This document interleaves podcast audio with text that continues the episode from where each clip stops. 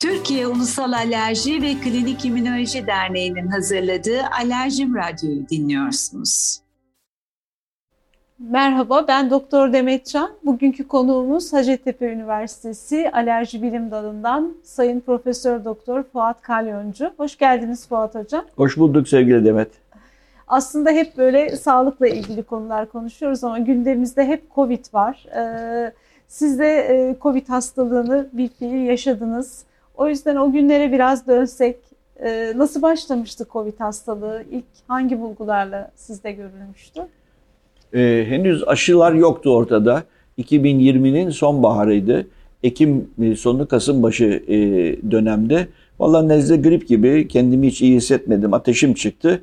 Öyle olunca tabii yani hastane içerisinde yatırdığımız serviste yani ne bileyim konsültasyonlar, günlük poliklinik içerisinde bir sürü Covid'li hasta geldiği için ben de kendime bir baktırdım ve PCR pozitif çıktı. Ama ilk etapta yani başka bir bulgum yoktu. Onun üzerine eve gittim. Evde kendimi bir odada izole ettim. Ee, şimdi benim e, aşağı yukarı ortaokul çağlarından beri alerjik rinitim var. Polen alerjim vardı. Kedi alerjim var. Ee, dönem dönem üşüttüğümde böyle göğsüme iner. Ee, dolayısıyla anti astım ilaçlar da kullanırım ya da yoğun e, polen e, mevsimlerinde e, benim hafif böyle astımım da polen astımım da olur. Onun için çekindim. Şimdi dedim yani bu Covid olunca hani biliyorum e, bakalım nasıl olacak diye. Neyse evde bir odada kendimi kapattım. İşte böyle yemekler alıyorum ama pek zorunlu olmadıkça odadan dışarı çıkmıyorum. Zaten yani evde de oğlum, kızım, e, eşim de e, varlar ama onlara da geçmedi. Yani fakat aşağı yukarı böyle giderek bu e, 7. günden e, baktım ki hafif bir nefes darlığı ve öksürük olmaya başladı. Dedim eyvah herhalde durumun şekli değişiyor. Zaten o sitokin fırtınası denen olay da hani o günler olduğunu biliyorum. Evet. Hastaneye gittim, film çektirdiğimde bilateral yaygın pnömoni olduğumu gördüm. Onun üzerine e, sağ olsun arkadaşlarım yerde yok hastanede kolay kolay. Evet, Neyse şey. bir, bir tane yer buldular, bir odaya yatırdılar beni. Doğrusunu isterseniz e, inanmadığım için favipiravir getirmişlerdi eve almamıştım. Evet. Hayatta yani ne klorokin ne favipiravir ne kimseye verdim baştan beri ne de inandım. Yani biliyorum. O remdesivir'e de pek inanmam ama mecbur hastanede almak zorunda kaldım. Arkadaşlarım verdiler başka evet. ilaç yok diye. Evet. Kortizon verdiler işte diğer bütün ilaçları filan. Herhalde zannediyorum en etkili ilaç yani Covid'de hala hazırda kortizon, hı hı. oksijen, e, heparin. Yani Size onlar oksijen verildi mi? E, oksijen de verildi çünkü saturasyonun düşmeye başlamıştı. Evet. Evet. E, böyle göğsümde hakikaten bir m, baskı ve derin nefes alamama hissettim hı hı. bir iki gün. Fakat bir iki gün sonra e, yani bence ya hastalık spontan olarak geriyeledi ya da aldığım kortizonun tesiriyle e, artık hangisinden tam orasını şey yapamıyorum. Hı hı. E, ama hala remdesivir'e bir yani şey vermek istemiyorum. Paye Nasıl dedi? Paye vermek istemiyorum gereğinden fazla. Çünkü evet. inanmıyorum. Onu kullanıp da kötü olan bir sürü hasta gördüğüm evet. için. Sonra da herhalde köşeyi döndüğümü, iyileşmeye hı başladığımı hissettim. Yani bu Covid'de en büyük problem e, normalde göğsünüzün içerisindeki ifrazatın sekresyonun hani çıkabilir durumda olması iken sıradan enfeksiyonlarda Burada silikon gibi oluyor. O çıkmıyor. Yani insanların zaten boğularak solunum yetmezliğiyle kaybedilmesinin ana nedeni bu COVID'deki e, sekresyonun çok koyu tıkayıcı vasıfta olması.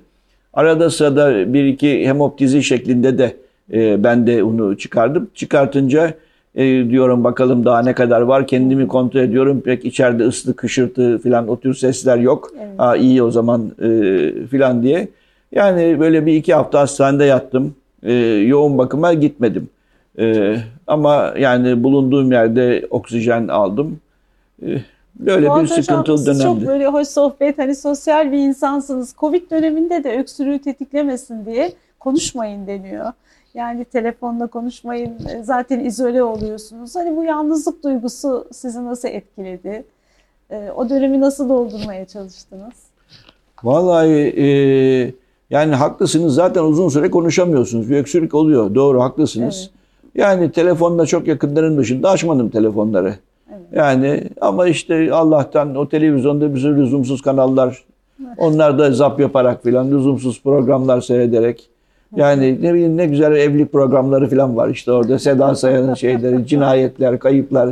Yani vallahi açtığınız zaman sizi de şey yapıyorlardı hani böyle e, tutturuyor kendisini izlettiriyor. Yani onlara falan bakaraktan kitap okudum bol bol. Tabii.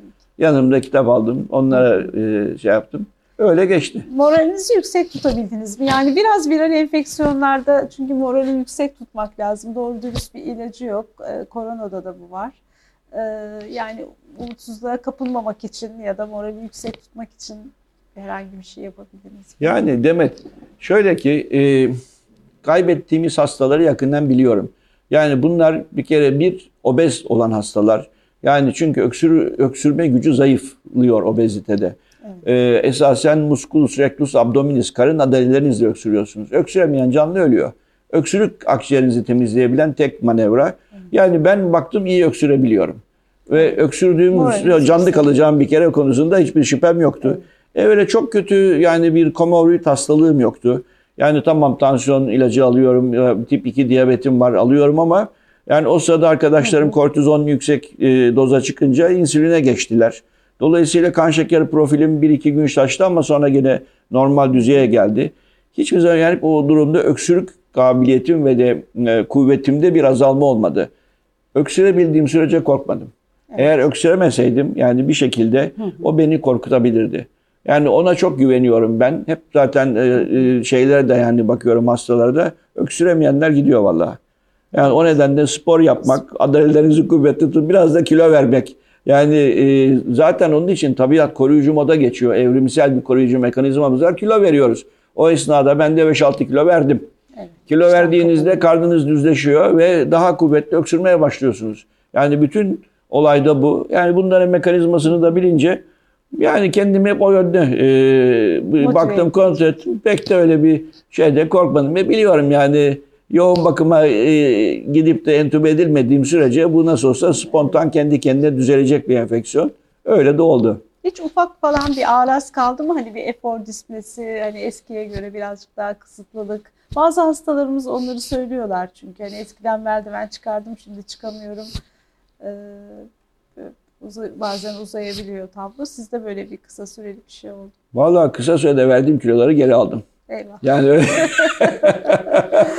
yani o e, şimdi ama hep hastalardan dikkat ediyorum. O iyileşmenin en iyi kriterlerinden bir tanesi. Yani kilo almak iyi bir şey değil ama hemen elde aldıysanız demek ki vücudunuzun tamir mekanizması fena değil. E, ben de hiçbir şey kalmadı düşünüyorum. Yalnız eşim bazen bazı şeyleri unutuyorsun diyor bana. Yani ben de ne falan diye soruyorum. Böyle geçiştiriyorum. Şimdilik işimi engellemiyor unutmak kanlık şeyi. Sohbetiniz hiç değişmemiş hocam. Çok güzel, çok kapsamlı bilgiler verdiniz bize. Çok hoş bir sohbet oldu. Çok teşekkür ederiz. Rica ederim.